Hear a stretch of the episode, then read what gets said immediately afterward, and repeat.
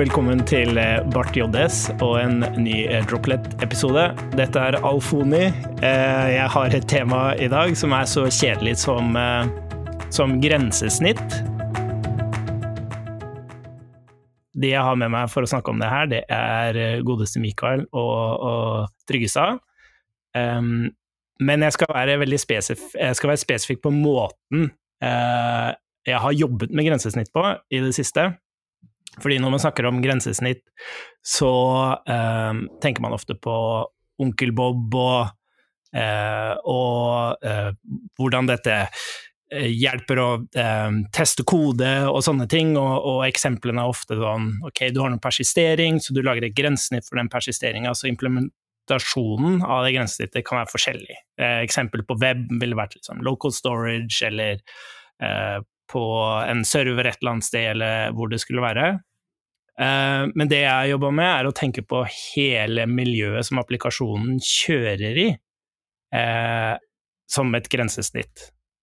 Eh, og i webverdenen så har vi jo TypeScript. Det er først da man egentlig kan snakke om å definere et grensesnitt.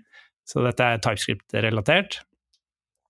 Og det som er poenget her, er at når du utvikler appen din, så konsumerer ikke appen noen ting fra nettleseren, API-ene til nettleseren eh, direkte, eller andre importerte pakker fra MPM. Du designer rett og slett et grensesnitt som er helt spesifikt for applikasjonen sine behov. Så alt fra datahåndtering til ting som du trenger fra nettleseren, og fra disse MPM-pakkene. Eh, det kan være noen unntak, eh, og det er hvis det er rene funksjoner. Eh, så, så kan man bruke de direkte, men i utgangspunktet så skal alt defineres gjennom dette grensesnittet. Og så lager du da en implementasjon av det grensesnittet, f.eks. For, for å kjøre i nettleseren. Men da har du også muligheten til å implementere det samme grensesnittet for at applikasjonen skal kjøre på serveren, at du skal kjøre i et testmiljø, at du skal bruke en native app. Eh, du kan til og med implementere det grensesnittet som en ren simulering, sånn at du skal slippe å koble mot eksterne tjenester. Og så eksponerer du da den implementasjonen, eller det grensesnittet, ut til appen. Så for eksempel på, med React så ville du hatt en ville du hatt en provider som eksponerer da en implementasjon av det grensesnittet, og så har du da en hook som heter use environment, for eksempel. Der det er det eneste stedet du, du faktisk konsumerer miljøet til applikasjonene. Um, og fordelene med det som jeg har identifisert, det er at det grensesnittet du definerer, og da koden til selve applikasjonen, det blir domenespesifikt. Så du har ikke masse generiske kall til eh, nettleser-API-er med strenger, du må eksplisitt eh, legge inn typene og sånne, sånne ting. Så det grensesnittet, det miljøgrensesnittet, det er allerede typa opp, akkurat sånn som, sånn som, du trenger det. Og når du da skriver tester, så har du ikke noe behov for å mokke imports og sånne ting. Det eneste du gjør, er at du, sånn som med min erfaring, er at du lager en implementasjon av det grensesnittet, der hver eneste metode du kan kalle, det er bare en gest-funksjon. Så når du da tester en bit av appen din, så kan du bare lage en mokka-instans av, av, grensesnittet, og appen driver jo og kaller på det her. Og du kan da sjekke hva som har blitt kalt på, hvor mange ganger, med hvilke parametere, eh, sende tilbake hvilke data du vil, og sånne ting, da. Um, så jeg ville bare dele det, og så lurte jeg på hva, hvilke erfaringer har dere med å liksom tenke grensesnitt og bruke eh, Eh, grensesnitt på tilsvarende måte. Så um, det her har vi diskutert en par ganger før. Ikke akkurat om det her, men det som jeg skal si nå, er at -hmm. du har en sånn egen evne til å komme fram til en løsning som er en etablert praksis, men du kommer fram til det på din egen måte, med helt egne ord. For det du egentlig beskriver, det er inversion of control og dependency injection, som er en C-sharp og en, en, en Java-ting som bestandig har eksistert, nettopp for å føle liksom solid-prinsipper og kunne gjøre sånn injekte og stubbe ting automatisk basert på at du ikke lenger er avhengig av direkte kobling til data, og da bruker du interfaces til å sende inn implementasjoner i stedet. Mm. Så alt det du har snakka om nå, mer eller mindre, er i stor grad etablerte praksiser i enkelte miljø. ja, det, det, er jeg enig i. Det som jeg tenker er forskjellen her, er at da ville du ofte ta sånn som Angular, for eksempel. Da, ja. da lager du jo typisk en service og den er liksom definert som et grensesnitt, og som du injecter osv. Du tenker liksom ikke hele rubbel og bit av hva appen konsumerer. Ja, men mm. i, i, en, i, en, dependency injection-modell med hva autofakk eller hva, whatever i, i .net-verden, mm. så i hvert fall i en moderne .net, så har du nå en egen spesifikk liste over alle ting du injecter. Så du har liksom en sånn lang liste med ting via eh, middlewares, som du liksom spesifiserer at alt det her skal injectes til de forskjellige tingene. Og da mm. oppnår du i praksis det samme, bare med litt annet tankesett. da. Men har du erfaring med det i utvikling av apper i nettleseren, eller er det mer i andre kontekster? Uh, ikke på den, men jeg har bestandig sagt at det er ikke nødvendig med dependence injection på samme måte, for at du har en annen module resolving-type. For at hvis du myser og heller har en eh, eh, en modulbasert arkitektur der du har tydelig grensesnitt, eller interfaces, da, mm. eh, på moduler, og en arkitektur som støtter opp under de modulene, og har eh, sufficient enough liksom, adaption layers, og her er favorittordet til alle som, som snakker om arkitektur, bounded contexts. Altså du, du, du isolerer Eh, og, og tydelig definerer grensene mellom kontekster, så kunne du fint ha spesifisert opp at uh, Nei, men de modulene, eller de, de modulene her er de uh, tjenestene som går ut. Uh, sånn at du i stedet for å sende inn det injectede via en provider i React-verdenen, mm. så vil du bare overskrive modulen i seg sjøl, i module resolvinga. Og da oppnår du i praksis det samme, da. Mm er min påstand. Ja. Har du gjort det? Sånn i ja, praksis? i praksis så vil jeg jo definere opp uh, alle, alle, ting der du interagerer med urene ting, er i egne moduler med adaption layers, som, mm. som gjør at du kan overstyre dem. da. Uh, men som regel så uh, tar jeg aldri skrittet til å mokke ut hele dem, for ofte så har det er det så eh, blir det over tid så stort at å mokke ut det er pain, mm. sjøl med, med no-ops, da. Mm.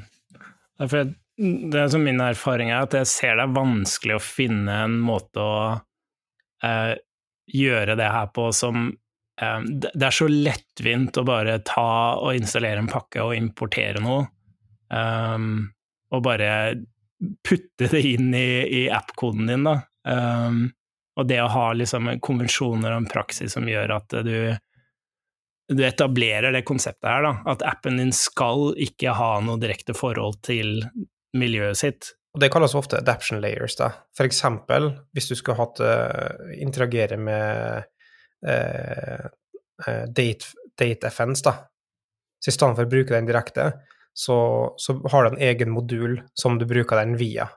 Mm. Og da kan du, støbbe ut eller mokke ut den greia. Men ofte så ser du at, eller etter min mening, da, så ender du opp med at det blir såpass kompleks og såpass stort at hvis du f.eks. skal sette på et fiktivt miljø for å simulere eller for å kjøre testmiljø da, i det, mm. så ender du opp med at du måtte mokke opp så mye at mokkeren i seg sjøl blir en større kilde til test, sånn at det blir false negatives, enn at det blir reelle, faktiske feil du fanger opp. da. For at mokkeren din er så kompleks som den er. da at du ender opp med å nesten implementere det to ganger.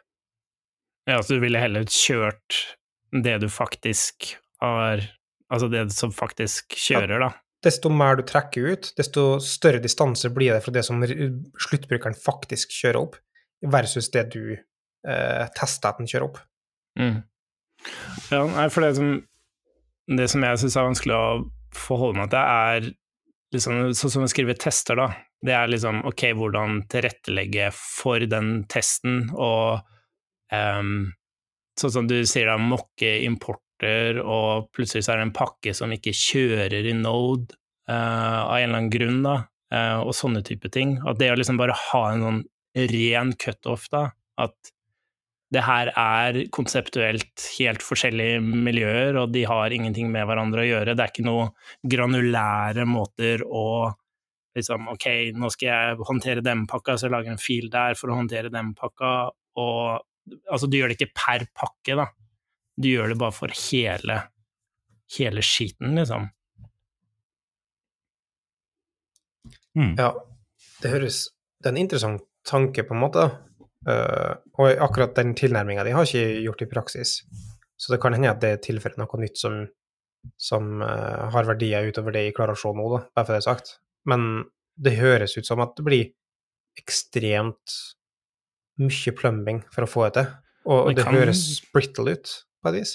Ja, det kan det at det blir Det er pussig å si med, med mokking og sånn, for det, det, kan helt sikkert stemme i flere kontekster. Det også. Jeg har ikke hatt akkurat den den erfaringa. Men det er, jeg syns det er interessant altså, Igjen da peker til Angler. Angler har jo dependency injection, men det er en sånn ting som jeg husker når jeg ble um, eksponert for, um, for C-sharp.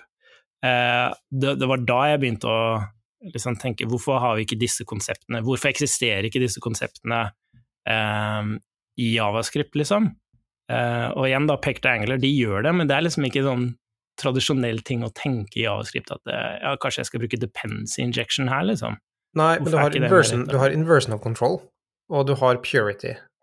I .net så er avhengig, du er avhengig til å ha dependency injection på grunn av klassebasert orientert uh, arkitektur. Uh, og da, da funker det på en litt annen måte. I, i Javascript sin måte så kan du gjøre moduler og det er jo kanskje kontroversielt for mange, da, men, men modul for meg er en, en, superior abstraksjon som oppnår den samme. Og særlig hvis du har øh, øh, Hvis du har arkitekturer som baserer seg på purity og referential transparency og funksjonell paradigme, på en måte, så, mm. så får du automatisk inversion of control. For du, du bygger ikke opp konstruksjoner innvendig som, som, er på en måte muterbar, og som har sin lokale tilstand på den måten. da. Mm. Uh, og det er det mye av inversion, nei, dependence injection i utgangspunktet skal gjøre. da, At du mm. sender det inn utafra i stedet. Mm. Men, men det, det, samme behovet er ikke nødvendigvis med når du har modulbasert uh, og module resolving på, på, den måten. da. Men hvordan, uh, hvordan, gjør du det i praksis hvis du f.eks. du har date functions, da, som du sa, og liksom første steget er å okay, putte en egen modul, mm. uh, og så skal du uh, bruke en annen pakke, uh, fordi det en lang, den pakka funker ikke i native-miljø, for eksempel. Da. Er det, lager du enda en fil da som representerer native-miljø, og så må du lager du fortsatt liksom, Definerer du et interface der fortsatt? Sånn det kommer an på, har... hvis det er noe som er naturlig at det gjør, så definerer jeg mm. et interface. Hvis det er en service, eksempel, du mm. bruker ikke i layered architecture i utgangspunktet, da, men du mm. kan fortsatt definere en service som har et clean eh, API-interface. Mm. Uh, og da kan det være aktuelt å, å, å spinne opp. Det kan være tilfeller der jeg f.eks. vil at noe skal kjøre lokalt, noe vi skal kjøre i faktisk produksjon, hvis det er krevende ting som vi ikke vil skal skje hele tida. Mm. Da forholder den til interfaces på den måten. Men når det gjelder uh, sånn som f.eks. datafunksjoner, så er det sånn uh, You ain't got a need it på et vis òg, da. Mm. Hva stor sjanse er det for at du må bytte ut? Ja, det har skjedd med Moment, men da vil jeg bare bytte ut hele den modulen. Mm. Innholdet på den modulen, og så, så blir det fiksa rundt omkring alle andre plasser. Mm. Ja, det er interessant. Jeg tror det har vært for meg har det vært en sånn derre um, Hva heter det Constraint, liksom. Bare sånn Hvis det er noe jeg skal eksponere for appen, så tenker jeg ok, hvordan eksponerer jeg det her Um, altså som jeg jobba på en app der alt faktisk er implementert som en simulering, da, fordi jeg er litt usikker på hvordan grensesnittet skal funke. Hvordan skal egentlig interfacet se ut for at dette skal liksom gi mening, da? Uh, og da uh, ja, jeg kunne liksom ha delt opp i mange ting. Jeg regner med at det er sikkert litt sånn inspirert av React også, at du kan tenke på at miljøet er bare en provider, og så knytter man inn at ok, hvis miljøet er en provider, hva hvis det bare er et grensesnitt, og så kan du ha flere implementasjoner? Det kan, det kan fint gi mening i enkelte typer ting, tror jeg, men mm. ofte så blir det mer plømming enn det faktisk verdien gjør, da. Mm. Jeg tror ikke jeg, jeg ville vært reservert mot det og sagt at det er en de facto måte å håndtere det på, i hvert fall. Nei, Det er et veldig godt poeng, og det er veldig sant det du sier med, med plumbing, at hver gang du har et eller annet du skal implementere, så må du liksom opp og definere grensesnittet for, eller interfacet for det først, da. Eh, og så eh, Og det er ikke alltid naturlig å gjøre det, så man kan føle at man jobber Det blir boilerplate. Men ja. Eh, Siste ord, Kristian? Har du noe Ja, jeg er det òg. Nei da, så det er en veldig interessant diskusjon dere har. Um, jeg vet ikke om jeg har så veldig masse å bidra med, um, men uh, jeg kjenner jo meg veldig igjen i det Mikael kaller adaption layer. da. Det bruker jeg å gjøre litt sjøl òg, at jeg prøver å forhindre at uh, all, koden i applikasjonen driver og importerer date functions, eller uh, GrafQL-biblioteket vi bruker, osv. osv. Mm. Fordi at jeg har sett at det er vanskelig å bytte det ut hvis man gjør sånn, og det er også vanskelig å lage på en måte extensions, da, hvis du vil. Du vil kalle den GrafQL-funksjonen, men du vil også snu litt på TypeScript-typene, eller du vil også gjøre et eller annet i tillegg. Så mm. det er masse lettere å få til hvis du har laga et sånt adaption layer. da. Mm. Anbefaler dere å lese boka 'Thinking Forth'. De første 20 sidene er alt dere trenger. men jeg snakker om moduler og, og, clean code i en langt bedre måte enn det onkel Bob noen gang har å gjort. Uh, så uh, Det var en syrlig måte, altså! ja, altså um, Onkel Bob har blitt rettmessig cancela for lenge siden. Men, ja. uh, uh, men det, det, handler om abstraksjoner og komposisjon og sånne ting, fordi det er nyttig, eh, som er litt relatert til det vi snakker om nå rundt moduler og sånn. Ja. Nei, men jeg, jeg syns det var en fin måte å avslutte det på, Mikael, med, med tips. Uh, så da takker jeg for alle innspillene, og så er vi ferdig. Høres vi igjen i neste episode.